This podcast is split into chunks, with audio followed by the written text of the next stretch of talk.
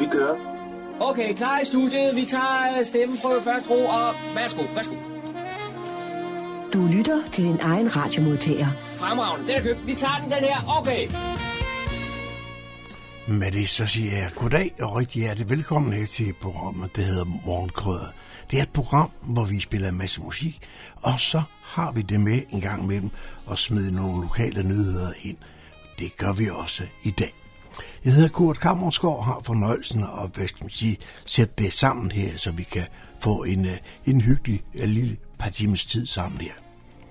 Vi skal først høre om uh, i, i morgen, den der, der grundlovsdag. Hvad er det nu lige, hvad er det nu, nu, nu lige, det var med den? Og det får vi en god forklaring på, så det er bare mig at lytte efter, så man eventuelt kan svare ens børn, hvis de skulle finde på at spørge om det. Daniel han har også som sædvanligt kigget på nogle lo- lokale nyheder, dem har han fundet på humlebog.dk. Og cybervejr har vi selvfølgelig også med her i, uh, i denne uge her nu. Og så øh, uh, Hotel Storkron her i Fredensborg, de har forleden fejret deres 300 års jubilæum. Ja, 300. Og det er, og det er så ikke den, det er, kan man sige, det er den bygning på den anden side af Storkron, der var oprindeligt øh, var lavet som en, en rejsestal og som en krog. Men, men øh, man markerer det med en kæmpe fest og hele dagen, og med bal og dans, og jeg ved ikke hvad. Og vi havde selvfølgelig en mand med på stedet, og det skal vi høre om, øh, også her i løbet af formiddagen, hvor han fik en samtale med direktøren Elis Fennig op øh, om netop Store Kro. Skolefridag og Stor Bededag. Hvad er nu lige det med hinanden at gøre? Jamen trods det, at, kan man sige, at det kan virke lidt forvirret, så er det, må ikke andet, et meget stort emne, emne på sidste byrådsmøde. Daniel har set på det, måske for at bedre kunne forstå det hele. Men øh, om man kommer til en løsning, det ved jeg ikke, men det håber jeg, han kan præsentere for os her i løbet af formiddagen. John Marco har været nede i øh, Edel Edal Kirke her anden pinsedag. Hør, hvad han oplevede dernede. Det var meget smukt. Og nu vi også lige har talt om grundloven, øh, så, ja, så kan, har jeg en fortælling om netop, hvad grundloven for eksempel har betydet, betydet for tårnet op på Himmelbjerget. Og det øh, kan man sige, hvad det har med hinanden at gøre.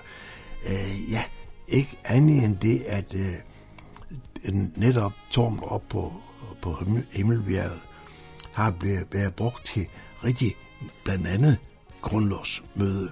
Og det skal vi høre en fortælling om med manden, der sidder inde i bunden af tårnet, tårnet deroppe. Han vil fortælle lidt om, hvad den har været brugt til siden tid, og hvad den så stadigvæk bliver brugt til. Hør med om det sidste i udsendelsen. Men øh, vi skal også have musik. Det er der, jeg kommer ind. Og så, jeg vil bare sige, rigtig god fornøjelse de næste to timer.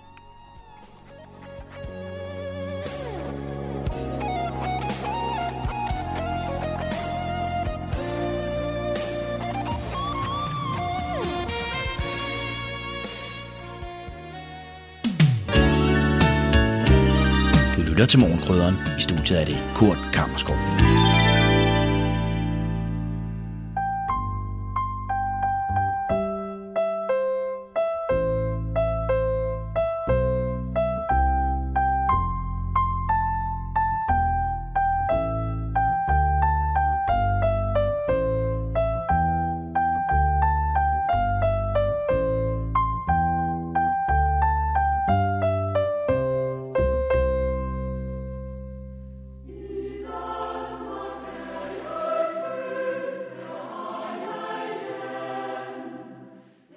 5. juni er grundlovsdag, til minde om 5. juni 1849, da Danmark fik sin første grundlov. Det er Danmarks første forfatning, og den afløste den gamle kongelov fra 1665, den lov, der indførte enevælden. Enevælden var kongen den øverste myndighed i alle spørgsmål, med andre ord Guds repræsentant på jorden. Men i begyndelsen af 1800-tallet var folkelige og demokratiske bevægelser blomstret op overalt i Europa. Folket ville have selvbestemmelsesret, og således var der også i Danmark stærke liberale kræfter i gang. I oktober 1848 nedsatte kong Frederik den 7. en grundlovgivende forsamling. Den første forsamling, der var valgt ved almindelig stemmeret for alle uberygtede mænd over 30 år. I maj 1849 var den grundlovgivende forsamling blevet enig, og man gik til kongen med et forslag til en fri forfatning. 5. juni 1849 satte kong Frederik pinden til papiret, og den første frie forfatning i Danmark var lov. Det fortælles i øvrigt, at 5. juni blev valgt, fordi kongens elskerinde, Grevinde Danner, havde en søn med bogtrykkeren Karl Berling, og han havde netop fødselsdag den dag. Danmarks første frie forfatning var jo ikke fri i moderne forstand, men den flyttede magten fra kongen til folket. Man delte magten i tre. Den lovgivende rigsdagen, den udøvende, som var ministerierne, og den dømmende magt, domstolene. Grundloven sikrede også det enkelte menneskes frihedsrettigheder, værnepligt, undervisningsret og almindelig valgret. Ah, ikke for alle naturligvis. Kun frie mænd over 30 havde valgret og var valgbare. Kvinder, tjenestefolk og straffede personer kunne ikke stemme. Junigrundloven, som denne første forfatning bliver kaldt, galt kun for selve kongeriget. Slesvig og Holsten var ikke omfattet. I 1855 blev der vedtaget en helstatsforfatning, der var en fælles lov for Danmark, Slesvig og Holsten. Men det løste ikke problemerne med Sønderjylland. Så i 1863 vedtog den danske rigsdag en ny grundlov, kaldet Novemberforfatningen, der omfattede Danmark og Slesvig, men ikke Holsten. Og kun få uger efter, at den var skrevet under af kongen, krævede Preussen og Østrig den ophævet inden 48 timer. Danmark nægtede, og krigen i 1864 var en realitet, og novemberforfatningen gled ud. Efter danskernes nederlag i krigen blev junigrundloven ændret, så de magtfulde godsejere stort set satte sig på landstinget. Det var det vigtigste af rigsdagens to kamre, og de sad også på den reelle magt. Dette fortsatte helt frem til 1915, hvor landstingets indflydelse blev indskrænket, og der blev indført valgret for kvinderne. Landstinget forsvandt helt i 1953, da den seneste grundlovsændring blev vedtaget. Her indførte vi også kvindelig arvefølge, så prinsesse Margrethe siden kunne blive dronning, og man indførte ved samme lejlighed Folketingets ombudsmand. Du hørte Marianne Bro Jørgensen. Disse udsendelser om de danske flagdage er produceret af museumsinspektør Jesper Jarmin og journalist Christian Melgaard og er sponsoreret af år 2000-fonden under Forskningsministeriet.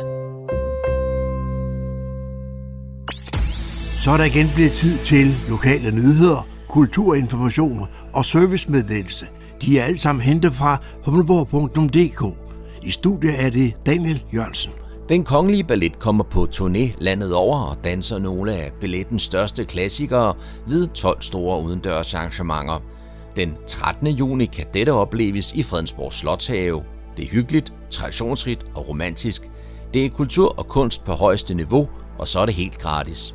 Den kongelige sommerballet har eksisteret siden 2006 og trækker hver år tusindvis af danskere ud i sommerværet for at se den kongelige ballet danse under åben himmel. Ved forestillingen i Fredensborg Slotshave forventer man en stor tilstrømning af helt op imod 3.000 glade gæster. Det anbefales derfor, at man tager offentlige transportmidler, går eller cykler til sommerballetten. Arrangementet begynder kl. 19, og det vil mindestenen i Fredensborg Slotspark. Der vil ikke være opsat stole, man skal selv medbringe tæppe eller stol. Der udleveres altså et gratis trykprogram ved ankomsten, og man kan også opleve balletdansernes opvarmning på scenen, som starter halvanden time før forestillingen. Der tages forbehold for ændringer i karstet, og i tilfælde af regnvejr håber man altid på opklaring og aflyser derfor først i sidste øjeblik inden forestillingsstart. Sundhedsklynge Nord har nu besluttet, at alle kommuner i den nordlige del af Region Hovedstaden vil styrke indsatsen for børn og unges mentale sundhed på tværs af sektorer. Det drejer sig om Frederikssund, Halsnæs, Gribskov, Hillerød, Allerød, Hørsholm, Helsingør og Fredensborg kommuner, der bliver en del af STIME-samarbejdet. STIME står for Styrket Tværsektoriel Indsats for Børn og Unges Mentale Sundhed – Indtil videre er 16 af Region Hovedstadens kommuner med i samarbejdet, som har eksisteret siden 2018. I Stime får familierne en helhedsorienterende indsats i deres nærmiljø. Indsatsen er udviklet i tæt samarbejde mellem psykiatri og kommuner og børne- og ungdomspsykiatrien, og kommunerne tager et fælles ansvar for at hjælpe børn og unge i alderen 3-17 år, som har brug for en lettere behandlingsindsats, men som ikke har brug for at komme i psykiatrien. Cirka 1700 børn og unge har indtil videre haft gavn af en stime-indsats. Og på sigt er det et ønske, at alle regionens 29 kommuner kommer med i ordningen. Tag en smut uden for byen og nyd landskabet omkring Søholm og Højsager. Søndag den 11. juni kl. 10-15 indbyder Fredensborg Camping og Højsager Mølle til et fælles arrangement. Camping og Møllelaget gentager succesen fra sidste år og glæder sig til at byde velkommen til en hyggelig markedsdag på Fredensborg Camping i naturskønne omgivelser. Der åbnes op for loppeboder og udvalgte udstillere fra lokalområdet, så der vil være mulighed for at finde unikke loppefund og få stillet sulten og slukket tørsten. Parkering er muligt uden for bommen, men der er begrænset plads.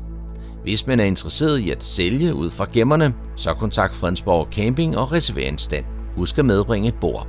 Fredensborg Møllelag vil have infostand på markedet, og blot et par hundrede meter derfra kan man besøge Højsær Mølle, hvor man kan kigge ind i møllen. Der er også lejlighed til at nyde naturen fra Møllebakken, hvor der er både borer og bænke, men her der skal du selv have en madkurv med.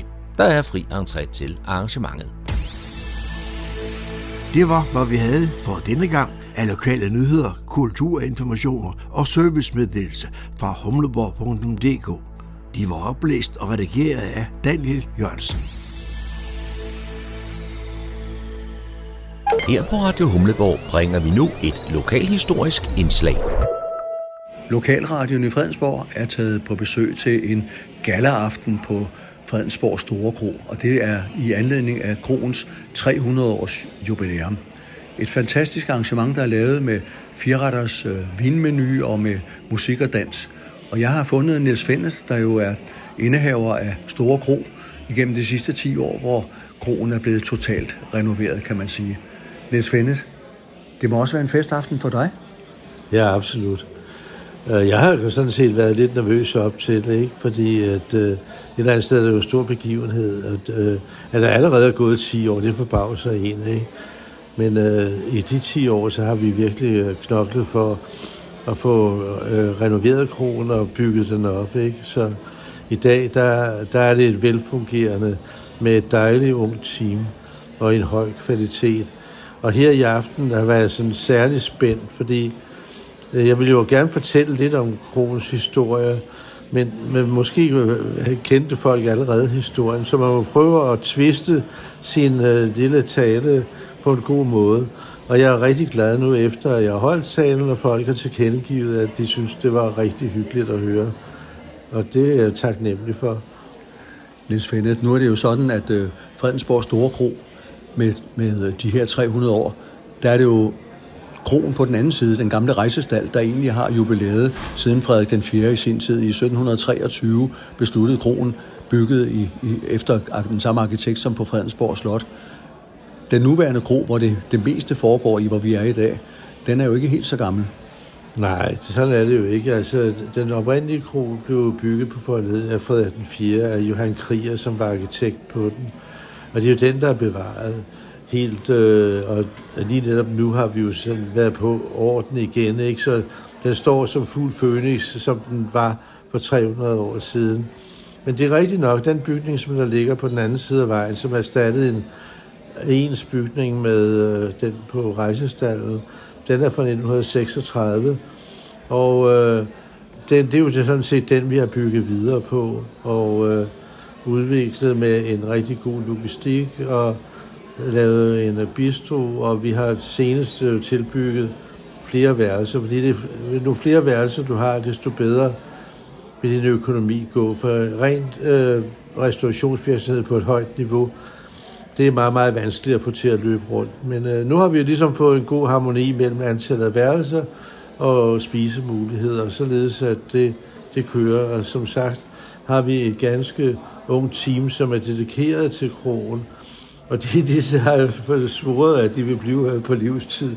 At jeg har skabt de rammer, som er deres liv. Det synes jeg er en helt fantastisk oplevelse at få. Niels Fente, du har jo også andre jern i ilden, kan man sige, for du har jo dine kabinhoteller, som jo ligger både i, i København og flere steder i provinsen, så der er jo nok at se til. Det må man sige.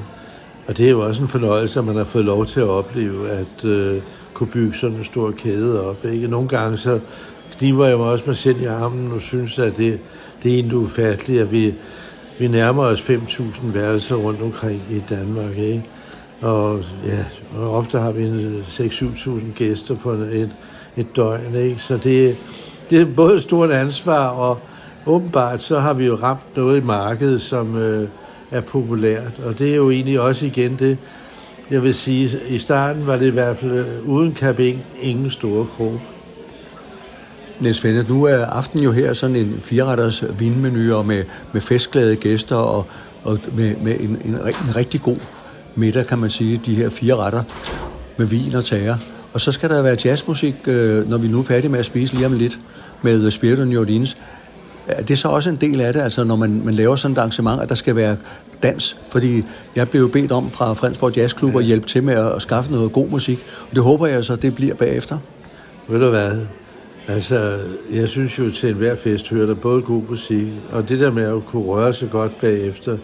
Og jeg er helt sikkert, i det arrangement, hvor der sådan set er fri vinbar, der er stemningen jo allerede lagt, ikke fra første glas, og, og nu, nu kan jeg jo mærke det lige frem syder, ikke? og vi hopper på de små ben, ikke? for nu skal vi dele ud og så gøre dansegulvet usikkert, så det bliver rigtig dejligt, og vi er dybt taknemmelige for, at det kan lade sig gøre at få så dygtige musikere her på Store Kro.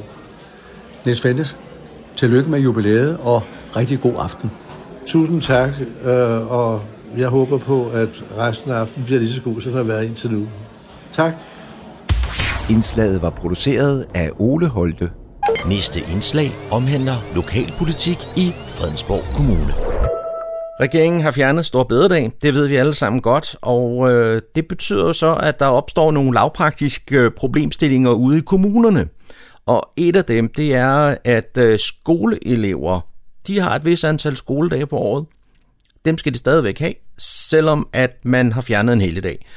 Det har givet lidt knas i det lokale børne- og ungeudvalg, så derfor har jeg ringet op til formanden, der hedder Per Frost Henriksen. Velkommen til, Per. Mange tak. Lige for at starte sådan helt fra, fra begyndelsen af, hvad er det sagen her drejer sig om? Ja, den, den drejer sig om præcis det, du siger i din indledning, altså at, at øh, børn har øh, 200 skoledage om året, og når man fjerner en dag, så er vi oppe på 201, så derfor skal der placeres en, en, en skolefridag øh, et, et, et andet sted, synes jeg. Og det var sådan set det, det handlede om, om den skulle ligge på Stor Bededag alligevel, eller om den skulle ligge et andet sted, ifølge de retningslinjer, vi allerede havde besluttet. Og det har I så arbejdet med i børne- og, og skoleudvalget i, i kommunen, og kom til en, øh, en afgørelse? Ja, Børne- og skoleudvalget havde en, øh, en god debat om det, og, øh, og der var et flertal øh, på 7-3, øh, hvor, hvor, hvor der var flertal for at, at, at placere øh, den fridag på Stor Bededag igen, der hvor vi lige havde fjernet den. Øh, det var jeg imod, og det var der to andre, der også var, Lars Søndergaard fra Venstre og Marianne øh, fra øh, Radikale. Og jeg valgte så at at få den i byrådet, fordi jeg havde en fornemmelse af, at det her det var byrådet ikke enige i, og så synes jeg, det var min pligt at, at bringe den videre, og, og der havde vi jo så byrådsmøde i tirsdags. Og det betyder så, at du som formand ligesom kan nedlægge veto mod et flertal? Nej, det, det betyder det ikke. Det betyder, at alle 27 byrådsmedlemmer har en mulighed for at indbringe en sag, hvor de er blevet stemt ned øh, for byrådet. Øh, det er ikke en særlig regel, en, en særlig ret, jeg har som udvalgsformand. Det har alle. Øh, og det, det bliver brugt en gang imellem. Det er ikke så tit. Jeg, jeg har brugt det meget få gange i mine øh, mange år i politik, men, men her synes jeg, der, der var en mislyd, og jeg, var, jeg, var, jeg havde en fornemmelse af, at øh, byrådet mente noget andet. Og hvad var det så, der skete sådan på, på det byrådsmøde? Fordi der var jo en vældig snak frem og tilbage. Ja, men altså, det sker jo nogle gange i byrådssalen, at øh, vi kommer vidt omkring og, øh, og fjerner os lidt fra lige præcis, hvad er det, det handler om. Altså at få få placeret øh, en fridag og få, få øh, revideret nogle retningslinjer. Og det var sådan set essensen af sagen. Øh, vi kom omkring øh, mange andre ting også, øh, og det er jo det, der er hvert enkelt byrådsmedlems lod at sige det, de sådan mere eller mindre føler for. Øh, da vi nåede til afstemningen, så var der så 16, der, der fulgte det, som borgmesteren havde foreslået i økonomiudvalget, altså at fridagen den placeres for skoleåret 23-24 i, øh, i, omkring juleferien, og at øh, børn- og skoleudvalget skal revidere øh, det bilag, der bliver brugt til at, at, at, at, at lægge fridagene. Så vi får en mulighed for at få kigget på det. At skal de, de løse fridage som den her, der kommer nogle løse en gang imellem, der skal placeres, skal de placeres ved juletid, som der står i reglerne nu, eller skal vi have dem placeret et andet sted? Det kunne for eksempel være ved sommerferien, og, og det er der åben for at diskutere, og vi skal have den i høring, både i, i skoleledelse og skolebestyrelser og hos medarbejdere, og så må vi høre, hvad de synes om det. Øh, jeg håber, vi er færdige med at snakke stor bededag, og så vi kan få lidt indhold ind i det på en anden måde. Øh, og jeg synes, det er en god idé lige at revidere et regelsæt, som har eksisteret meget længe. Så man tager simpelthen lige og, og ryster øh, kagedåsen en gang, kan man sige, og, ja, og ser på sige. det med nye øjne? Ja, det kan man sige. Det kan man sige. Ja, ja. Det, selve det skoleår, der kommer, altså øh, 23-24, der var det allerede meldt ud, og der var, øh, er bare en, en planlægning i gang, der synes vi øh, i hvert fald i flertallet, at, at, at det, skulle, det, det skulle vi fortsætte med, og så har vi en mulighed for at, at lave om på, på noget, øh, hvis det er det, der er, der er nødvendigt. Og det kan være, at der kommer en melding tilbage om, nej, hold bare fast i reglerne, og så gør vi selvfølgelig det. Kommer der nogle øh, forslag derudefra, så kigger vi på de forslag, og øh, det er jo noget, der er følelser i det her med fridag. Det øh, synes jeg, at, at øh, Storbededags-sagen den har, har, har fortalt os. Så derfor skal vi jo gøre det ordentligt, og vi skal gøre det øh, efter en grundig øh, debat. Øh, så jeg, jeg er fuld af fortrøstning, og jeg synes, det landede godt, og jeg er rigtig glad for, at vi fik taget den i byrådet og fik, øh, og fik vendt en gang til, og så vi fik truffet den her beslutning. Men hvorfor ikke bare lægge den på den dato, som man ligesom havde, der gamle dage hed Stor Bededag? Ja, men det, nu, nu er jeg over i mine egne holdninger til det. Jeg synes, at faggrupperne sådan øh, indbyrdes i, den, i vores øh, kommune skal have nogenlunde lige vilkår, og jeg synes ikke, det giver mening, at en øh, faggruppe skal have stået Når den nu har været så meget op til debat, som den har, øh, så synes jeg, det giver nogen, noget støj ude i, i, i de andre led i, i kommunen, øh, som, som skal arbejde stort bedre. Øh, så det, det, det er i hvert fald min holdning til det. Jeg vil ikke selv have have fjernet den store bededag, hvis det var mig, der var statsminister og folketing, men, men det er ikke det, der er debatten hos os. Vi skal finde ud af at placere fridagen, og, og det gjorde vi så. Kunne det ikke også komme til at se ud som om, at man så ligesom lavede en protest imod, at man fjernede stor bededag ved netop at bruge den? Nå, der er der ingen tvivl om, at når jeg følger med debatten rundt i hele landet, og der er der en provokation i det, og der er en politisk øh, linje i, at nogle partier, der ikke var med for livet, det var jo ikke regeringen alene, det var jo et, et flertal i Folketinget, der vedtog det her, øh, at, øh, at, at de står for skud for den beslutning, og de andre partier, der ikke var med, de gør alt, hvad de kan for at, øh, at, at få grus i maskineriet, og sådan er politik jo, det, det, det, hvis man ikke kan tåle det, så skal man lave noget andet. Øh, så det kan jeg godt tåle. Øh, den her gang, der gik det så min vej, at, øh, at, at flertallet i byrådet synes det samme. Ikke? Men, men det kan være, at det går en anden vej en anden, en anden dag. Når nu man har fjernet stor bededag, så var baggrunden jo egentlig, at det var fordi, vi skulle arbejde lidt mere. Og når ja. vi så skal arbejde lidt mere, så er der jo også nogle skolebørn, der skal undervises. Hvorfor skal de så ikke bare undervises en dag mere? Hvorfor skal ja. de have 200 dage? Hvorfor skal de ikke bare få 201? Det har jeg brugt i argumentationen, og det er der ikke lagt op til i lovgivningen, så den, øh, den, den tanke er der ikke nogen andre, der har fået end også to dage. Øh, det blev også brugt i byrådsalen, at det, det var, øh, det, at man må betragte det som en fejl, at, at man ikke øh, gjorde det. Men, men det er jo fordi, der er nogle lært aftaler, og ligesom på andre områder er der også nogle aftaler. Og derfor øh, kan de ikke gribe ind i dem øh, lige øjeblikkeligt. Det må de gøre på et andet tidspunkt. Måske, måske det ved jeg ikke. Øh, men, men de folk, øh, der så arbejder i skolevæsenet, Ja. De får så en arbejdsdag mere. Hvad skal de bruge den på, når de ikke skal undervise eleverne? Ja, men øh, alt det, det bliver for teknisk. Det, det kan jeg ikke svare på øh, detaljeret. Øh, og, og hvis jeg gør det, så ender det bare med en ny debat. Og den, den har jeg ikke lyst til at tage. Øh, nej. Nej, men okay, så det, det bliver simpelthen for stort. Nej, det gør det ikke for mig, men, men, men, men, men, men, men der er en hel masse nuancer i, at et folketing bare lige fjerner en, en, øh, en stor bededag, og så også siger, at det giver et kæmpe proveny, når vismænd eller andre går ud og siger, at det regnstykke passer ikke. Så, så hvis vi skal debattere det, så vil jeg sige, at det er helt tåbeligt at fjerne den. Altså, grundlaget har ikke været ordentligt, og de har ikke tænkt sig godt nok om. Det er min egen personlige holdning til det, og den har jeg sådan øh, prøvet at, at skubbe lidt i baggrunden i den her sag, fordi det handlede om, at vi har fået noget lovgivning, og det skal vi overholde, uanset om vi er enige eller ej. Altså, så øh, jeg, jeg, jeg, jeg synes ikke, at det er klogt, at man har fjernet den dag. Skal I øh, genbehandle det her sag i, øh, i børne- og skoleudvalget nu, eller øh, har I ligesom lukket den? Nej, vi har lukket den omkring, at fridagen øh, for øh, skoleåret 23-24, den ligger ved juletid. Det er færdigt. Det er byrådet afgjort. Det, som vi har øh, til opgave nu i børne- og skoleudvalget, det er at kigge på retningslinjerne for at placere de her fridage i årene fremover. Altså fra 24-25, altså 2024 til 2025, det skoleår, det er også årene fremad. Der har vi en mulighed for at, øh, at revidere de regler, der ligger øh, hvornår man skal placere fridagene, og det gør vi selvfølgelig, og øh, vi involverer øh, både skolebestyrelser, skoleledelse og, og medarbejdere, og så træffer vi en politisk beslutning, og, og hvis den øh, ender i fred og fordragelighed, så når den ikke længere til øh, børne- og skoleudvalget, øh, vil jeg tro, ellers så kan det jo være, at der er en anden, der, der bringer det i øh, byrådssalen, når vi får en debat der. Den, den side, den glæde, øh, det tror jeg er lidt nemmere at snakke om, om retningslinjer, end det er at snakke om en konkret fridag. Kan det være op til den enkelte skole at uh, lægge de her fridage? Det vil jeg ikke afvise.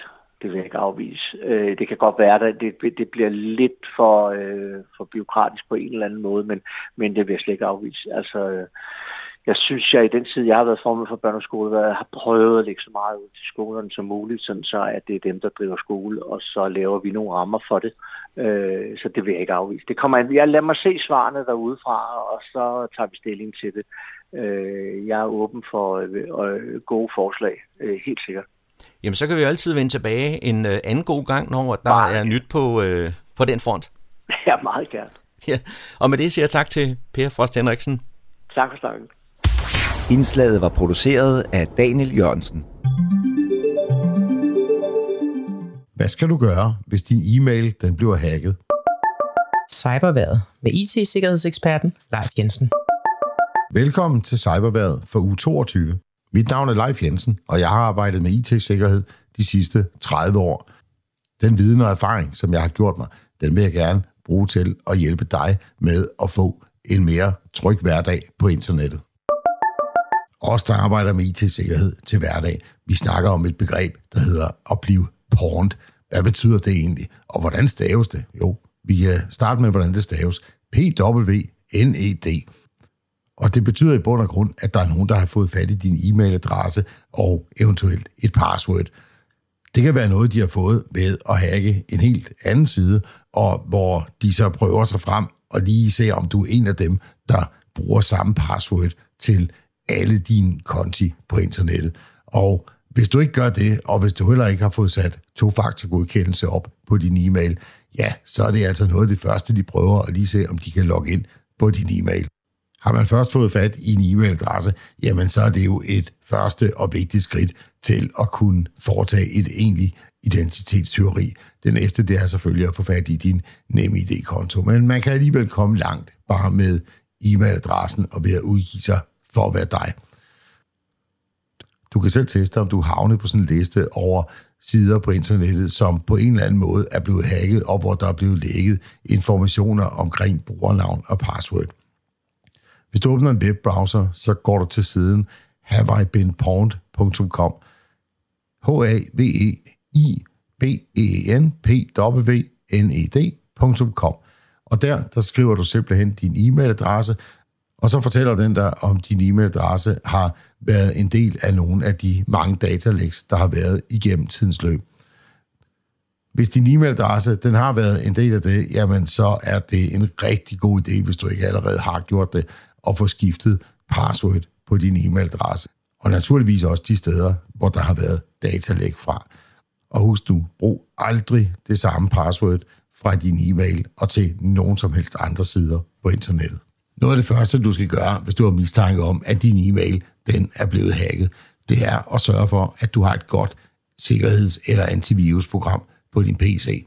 For hvis der er nogen, der har været inde omkring din e-mail-konto, så ved du faktisk ikke helt, hvordan de er kommet derind. Det kunne sagtens være, at de var kommet ind, fordi at du havde fået noget virus på din computer. Så har du ikke et antivirusprogram, så få installeret et, og så få kørt en scanning af hele computeren. Så er tiden kommet til at skifte password på din e-mail-konto. Og når du har fået gjort det, så sørg også for at få tilsluttet det, der hedder to-faktor-godkendelse. Altså der, hvor du eventuelt får en sms tilsendt første gang, du logger på fra en bestemt enhed. Så er det så er det noget sværere for hackerne at komme ind på din konto. De kan ikke bare komme ind på din konto, fordi de kun har brugernavn og password. De mangler stadigvæk også at hugge din mobiltelefon. Det er også en god idé at gennemgå sin mailkonto for indstillinger, hvis man tænker, at man har været hacket på sin e-mail. Fordi hackerne de kunne godt finde på at gå ind og lave en opsætning, så din e-mail den bliver videresendt til en af deres egne konti. Og sidst men ikke mindst, hvis det er din e-mail, det er gået ud over, så tag lige fat i dem, du kender, når du har fået oprettet et nyt password, og er sikker på, at du har fået renset ud. Og så fortæl dem, hvis de i løbet af den seneste tid har modtaget noget uheldig kommunikation, eller mærkelig kommunikation, som ser ud til at komme fra dig, så er det altså nok, fordi at de har modtaget det fra en, der har brugt din e-mailkonto i stedet for. Forbrugerrådet Tænk oplyser via deres app Mit Digitale Selvforsvar, at du skal passe rigtig godt på phishing, når du sælger varer videre, eksempelvis på Facebook Marketplace eller Den Blå Avis. De har fået mange tips om, at der er svindlere, der udgiver sig for at være køber og skriver til dig, at de allerede har forudbetalt det, som du er ved at sælge. Det har de forudbetalt via GLS eller PostNord eller UPS og lignende. Og så skriver de, at du skal bare lige klikke på et link, så får du også pengene, og så kommer der i øvrigt et bud i morgen og henter varen, som du har til salg. Pas nu rigtig godt på i de her tilfælde, så er det fup og svindel, og du skal selvfølgelig aldrig klikke på sådan en link. Det var cyberværet for denne gang. Vi høres ved i næste uge. Du lytter til morgenkrydderen. Mandag den 29. maj, der også var anden pinsedag, var der gudstjenester udendørs rigtig mange steder i landet. Således også i Karlebo Sogn ved Egedal Kirke i Kokkedal. Alle sognets præster deltog i denne udendørs tjeneste, og ved tangenterne sad organist Vibeke Evald og organist Jørgen Hansen ledede kirkens kor.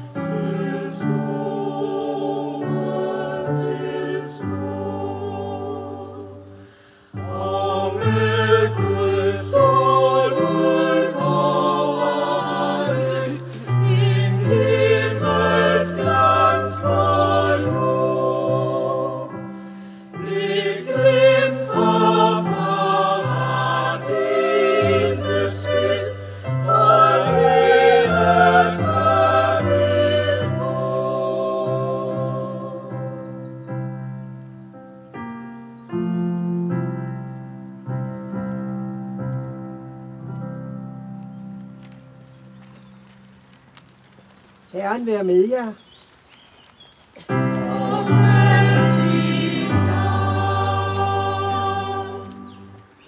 Lad os alle bede. Du gode Helligånd, dig vil vi takke og prise. Du Guds lys i vort mørke, Guds kraft i vores svaghed og Guds trøst i vores sorg. Når du kommer, bliver livet til.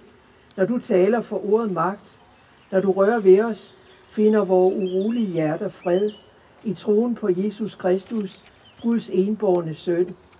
Bliv hos os og gør det åbenbart for alle, at i Kristus er Guds frelse kommet til verden, og i hans rige er alt lys i lys i al evighed. Amen.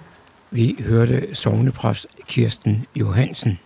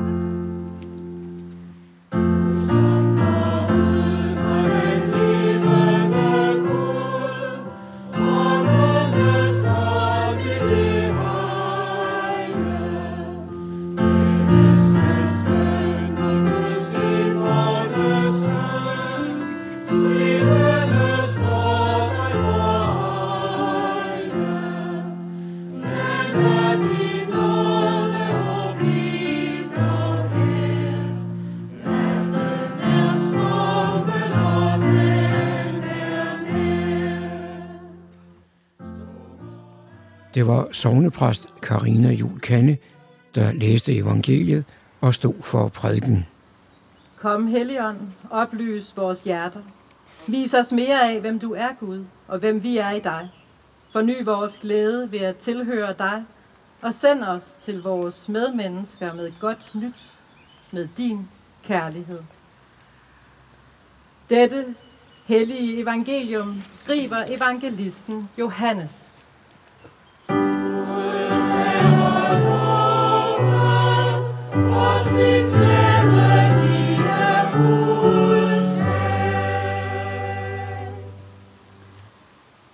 Således elskede Gud verden, at han gav sin enborne søn, for at enhver, som tror på ham, ikke skal fortabes, men have evigt liv.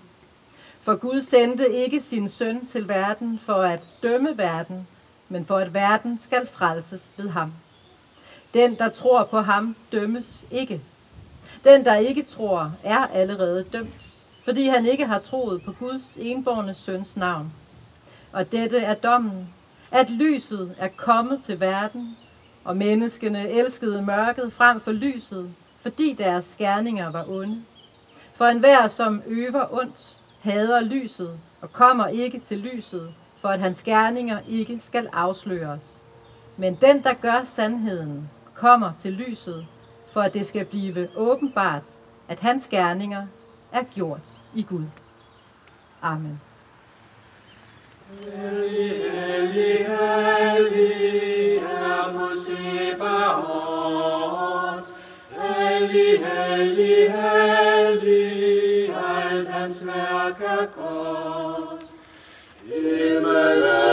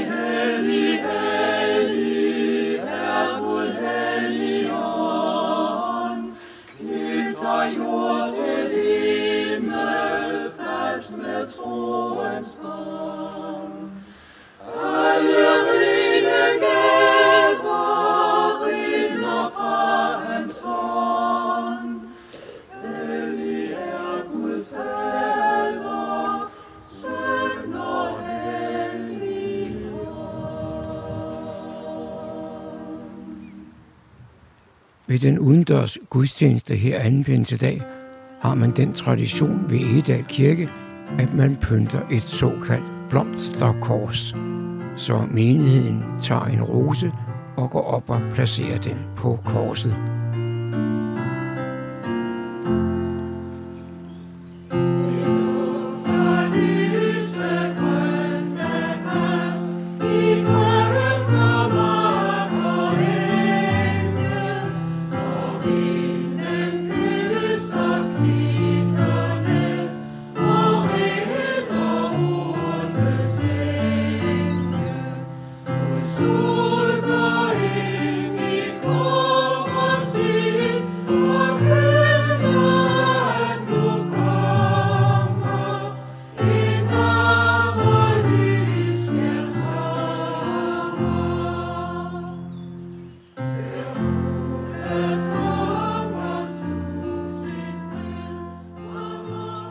Jeg slutter dette lille lydbillede fra anden pinsedag ved Edal Kirke i Kokkedal ved at lade koret synge postludium Nu blomstertiden kommer.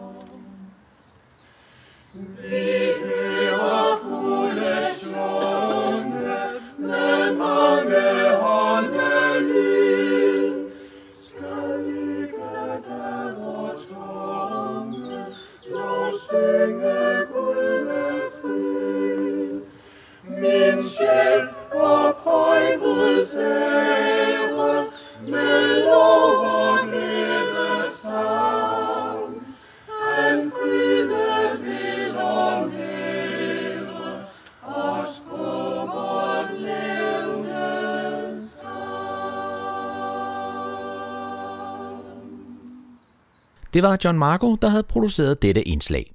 Så er der kulturstof her på Radio Humleborg. Jeg kommer på det, man kalder næsten toppen af Danmark. Jeg er på Himmelbjerget. Her sidder jeg inde i bunden af tårnet. Der sidder en uh, ung mand, der hedder Nils. Han er næsten på sin karrieres top, kan man sige. Han kan ikke nå højere i, inden for det system, han er i. Nils uh, øh, Himmelbjerget nu om dagen. Jeg husker det, dengang jeg gik i skole. Det var sådan et sted, man altid, uanset hvor der var henne i Danmark, skulle man altid på udflugt til Himmelbjerget. Hvordan er det i dag? Altså, det ved jeg, der kommer jo masser af udflugter, institutioner, skoler, stadigvæk. Men altså, det er ikke det samme, som det var dengang. Vi regner vel med, at, at besøgsantallet, det er nok, hvis vi i hvert fald tager efter, hvor mange der nu øh, går op, køber en billet og går op i tårnet for at bruge det som en tommelfingerregel, at det er halveret inden for 20 år, 25 år. Der er det halveret. Og det skyldes selvfølgelig, at, at hvis man kan tale om konkurrence, ikke? at der er kommet så mange forlystelsesparker af forskellige art rundt om. Øh, men altså, der kommer stadigvæk mange øh, lejerskoler, og der kommer jo mange øh, ældre, som kan huske den gang, de var her for 30 og 40 år ja. siden. og, og der kommer mænd også mange øh, folk sådan sidst i 80'erne, først i 90'erne, for at se det en sidste gang, og de får så lov at køre op. Grunden til, at nu, nu siger Himmelbjerg, vi siger tårnet her, og det er et sted, man skal opleve en gang i sit, i sit liv. Historien, hvad, hvad, er det, hvad er det, man skal op og opleve? Jamen altså, historien, altså det, det er jo snart de færreste, der kan huske historien, øh, hvad jeg tror, nogen kan selvfølgelig ikke, men altså, hvis man går langt nok bag, tilbage, så startede det jo med de store folkemøder, som vi ser, Blikker, han startede, og, og, og de øh, vagte stor interesse. Der kom jo utrolig mange mennesker øh, efter datidens forhold, øh, med stude, hester og til gå, øh, på gåben. Og, øh, og det handlede jo om frihed og lighed og broderskab og så videre, ikke? Og det var man jo meget... Det lå jo meget i tiden, ikke? Man havde jo den franske revolution øh, og, og tænke tilbage på som et skræmmende eksempel på, hvordan tingene kunne udvikle sig. Og, øh, og det endte jo, jo selvfølgelig også alt sammen øh, lykkeligt med, at vi fik Øhm, den danske grundlov af 1849. Øhm, og det var jo kongen, var dengang, det var Frederik den 7. Og det er så ham, som tårnet er rejst til minde om. Altså øh, kongen, Frederik den 7., der gav os den danske grundlov. Så det, det er jo sådan i store træk historien omkring det. Og, men altså, der har jo været mange former for møder. Øh, Wilhelm Beck, som var missionsmand, havde også mange møder heroppe i en lang år, overrække. Han har en, sit byste stående hernede. Og så har der jo været alle mulige grundlovsmøder og så videre og så videre. Alt mulige forskellige aktiviteter. Så øh, stedet er jo kendt. Det er jo også blandt andet kendt af mange som det højeste sted på punkt i Danmark, hvilket jo selvfølgelig er noget slud, og det ved vi jo nu. Men det viser, hvordan tingene sådan bliver ætset ind i, i folks hukommelse. Nordmændene, der kommer her, de kan forklare, at det står i deres historiebøger, at det er Danmarks højeste punkt. Ja. Så. Men, men altså, det, det er så ret nok, kan man sige, fordi ja, det, jeg ved godt, i gamle dage, da, da jeg gik i skole, der sagde man altid, at det var Danmarks højeste punkt, men som du selv siger, det, det har man lige målt lidt på mere med, med andre ja. midler.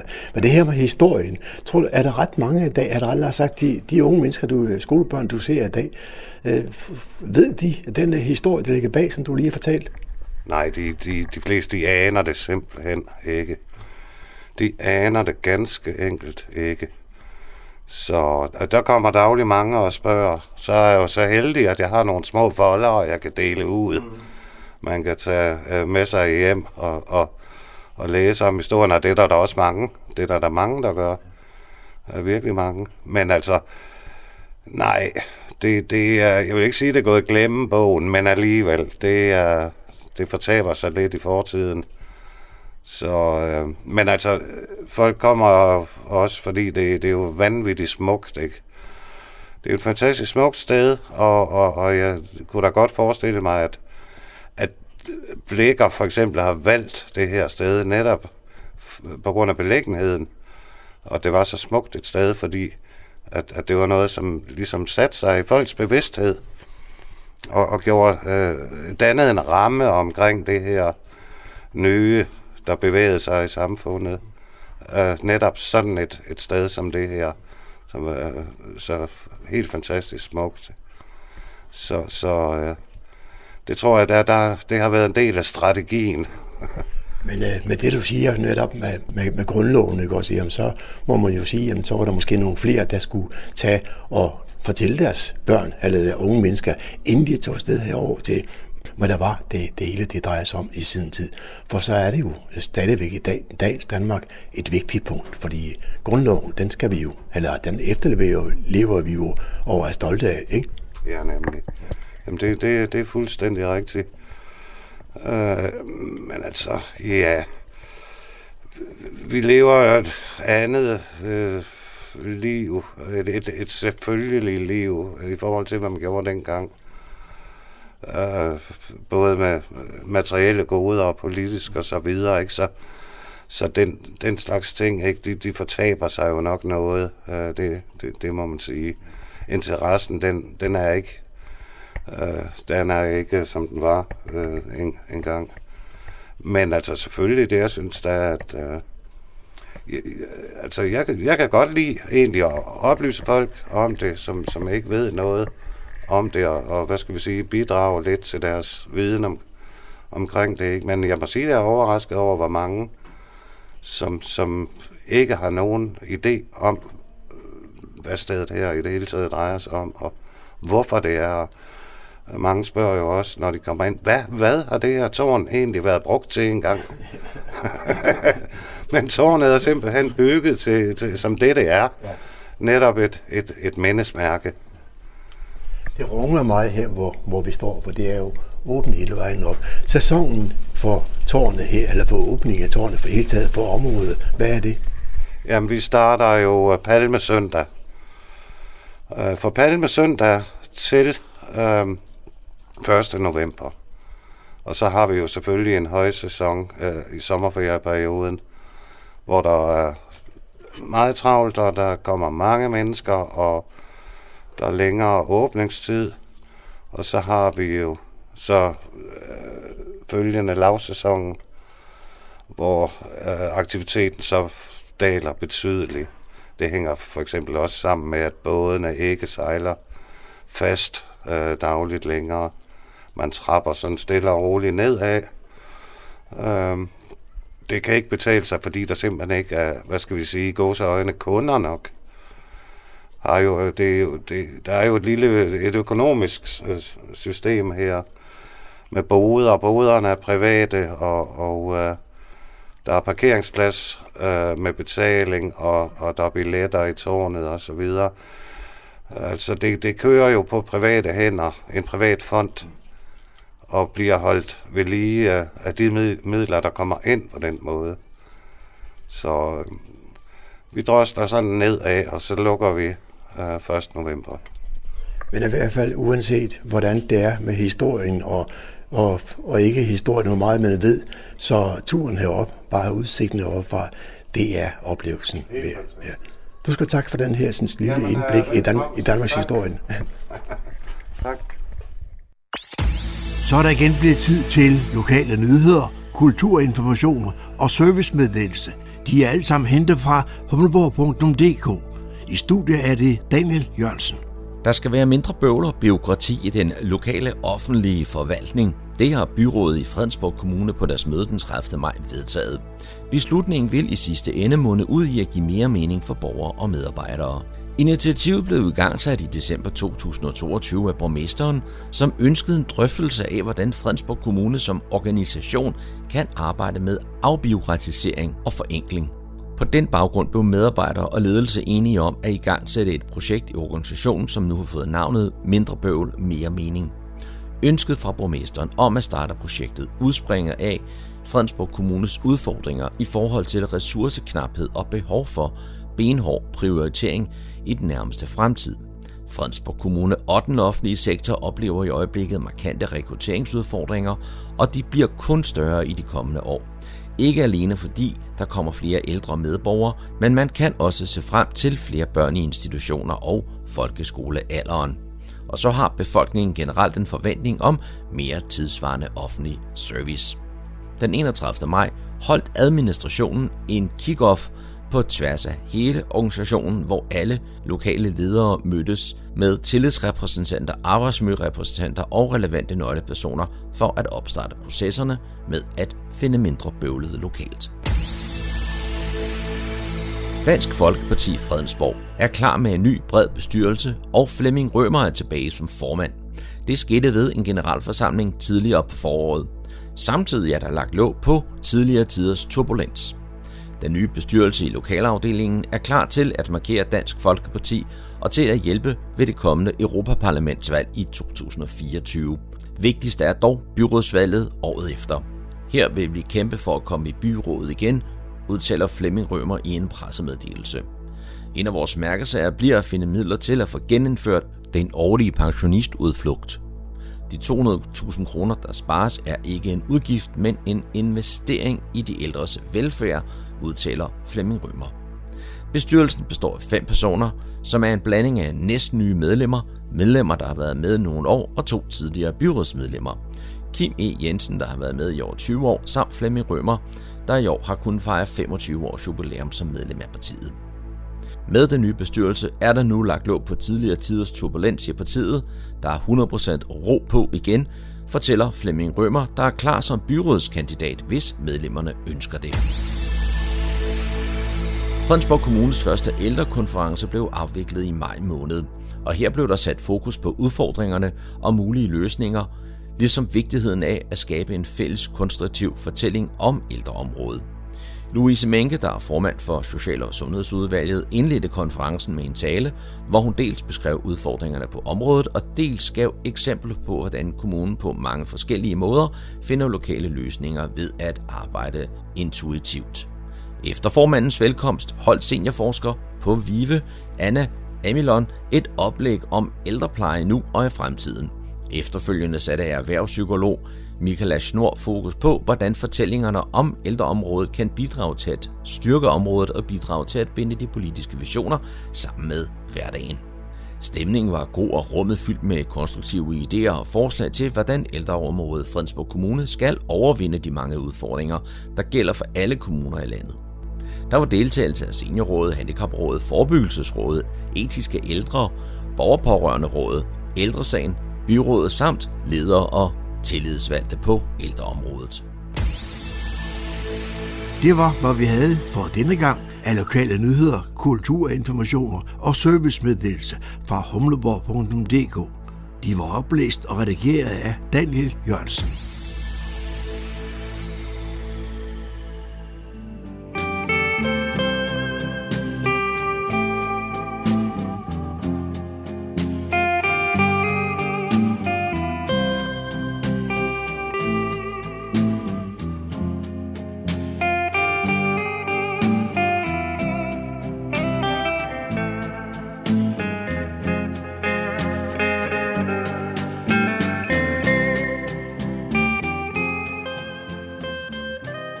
Toner fortæller os, at vi er nået til afslutningen på denne uges udgave af programmet, der hedder Morgenkrøden.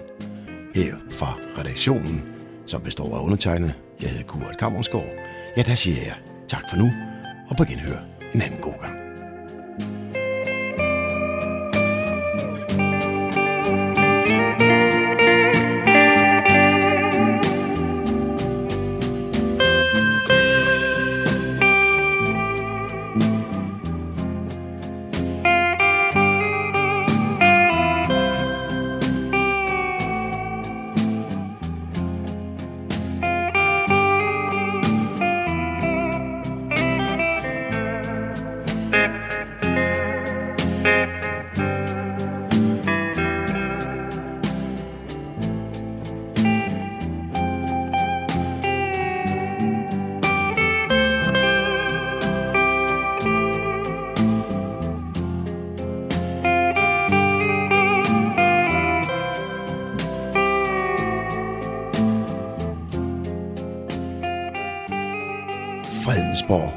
Radio, Radio Humleborg. Nordsjællands mest voksne lokalradio.